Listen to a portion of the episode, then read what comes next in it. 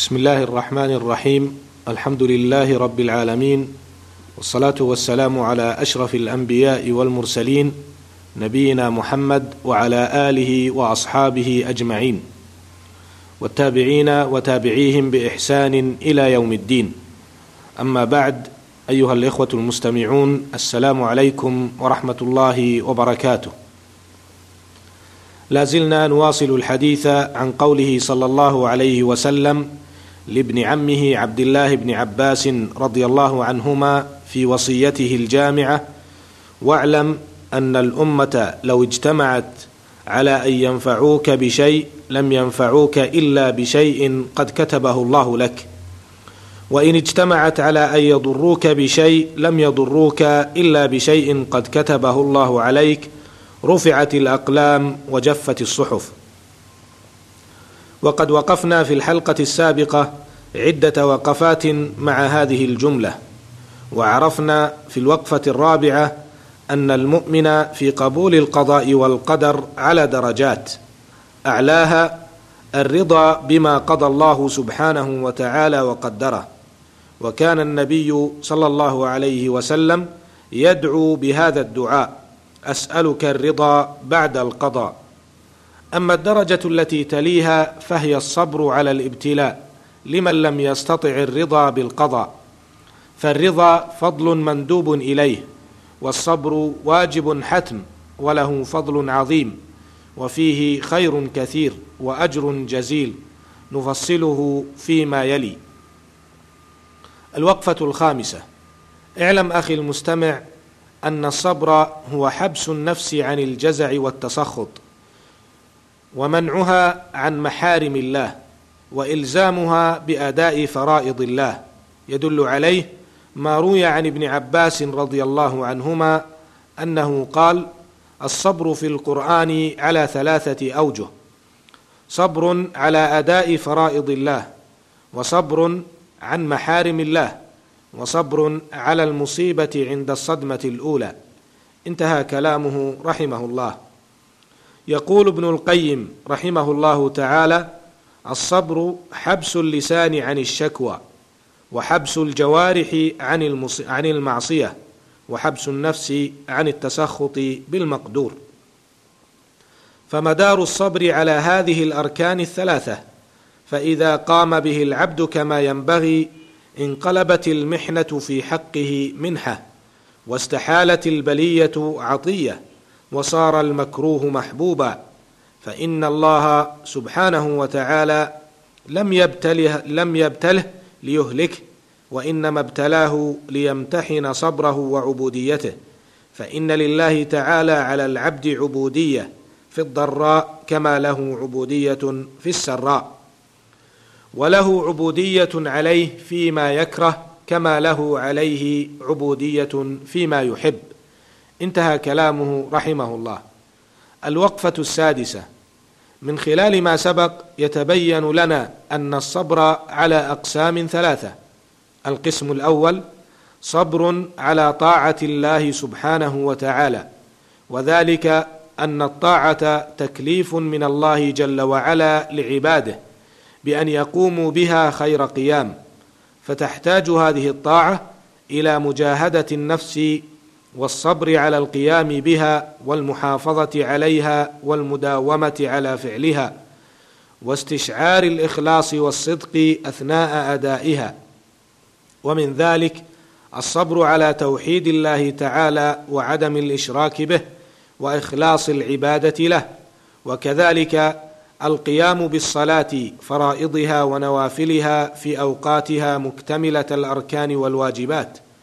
وغير ذلك من الطاعات ويدخل فيه ما يعمله الفرد في وظيفته العادية في هذه الحياة. فالأستاذ والمدرس يحتاجان إلى صبر في أداء وظيفتهما على الوجه المطلوب فيصبران على التلاميذ ويتحملان التعب والمشقة في ذلك. والطبيب يحتاج إلى صبر في معايشة المرضى وعلاجهم والوالدان يحتاجان إلى صبر في تربية أولادهم وتنشئتهم على الصلاح والتقوى. والمرأة تحتاج إلى صبر في القيام بوظيفتها الحقيقية من تربية أولادها والاهتمام بهم وكذا أعمال بيتها وخدمة زوجها وطاعته. والإنسان الداعي والآمر بالمعروف والناهي عن المنكر يحتاج إلى صبر في تبليغ دعوته إلى الناس برفق وحكمة ولين وفيما يقول ويعمل. وهكذا فجميع الطاعات تحتاج إلى صبر وتحمل وعدم تضجر وقلق وتأفف.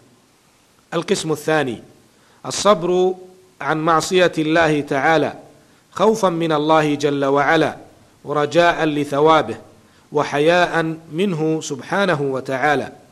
أن يستعين بنعمه على معاصيه فكثير من المعاصي والذنوب وكثير من المخالفات تهواها النفس وترغبها.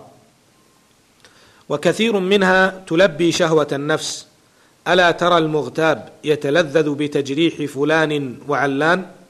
وألا ترى الزاني يلبي شهوة نفسه الجامحة؟ وألا ترى النائم عن صلاة الفجر يربي يلبي رغبة النوم؟ وهكذا. فشهوات النفس ورغباتها في المعاصي كثيرة ولكنها تحتاج إلى صبر ومجاهدة. فمن يصبر مثلا على ضبط لسانه عن الكلام المحرم فلا يغتاب ولا ينم ولا يكذب ولا يساعد بقوله ظالما ولا يجادل بالباطل ولا يسخر بالمسلمين ولا يستهزئ بهم ولا يشهد زورا ولا يحلف كاذبا ولا يؤذي مسلما فإنه بذلك يتقي آفات لسانه ويكون ممن صبر على ذلك. ومن يصبر على حفظ فرجه فلا يستعمله إلا فيما أحله الله فإنه يأمن على سلامة عرضه ويحفظه من الضياع. ومن يصبر مثلا على عدم أكل الحرام فلا يتعامل فيه فإنه يسلم من تنمية جسده على الحرام وهكذا.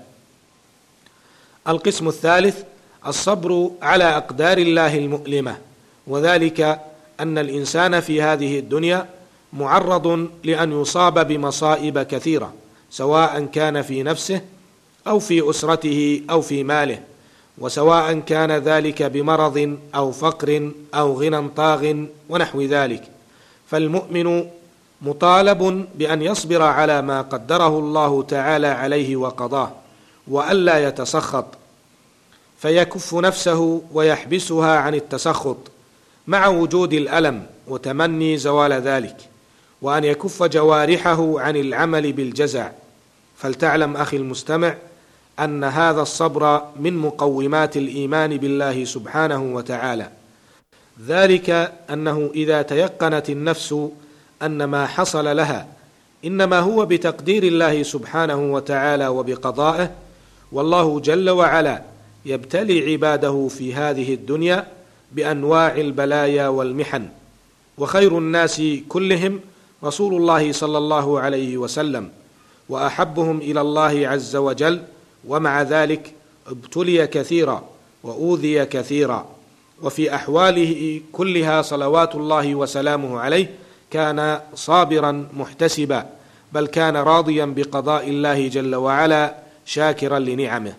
أيها المستمعون الكرام هذه أقسام الصبر وأنواعه ولها فضل عظيم وثواب جزيل نفصلها في الحلقة القادمة إن شاء الله.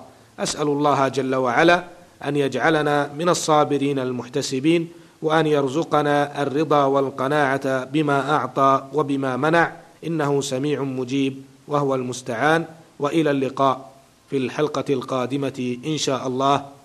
والسلام عليكم ورحمة الله وبركاته.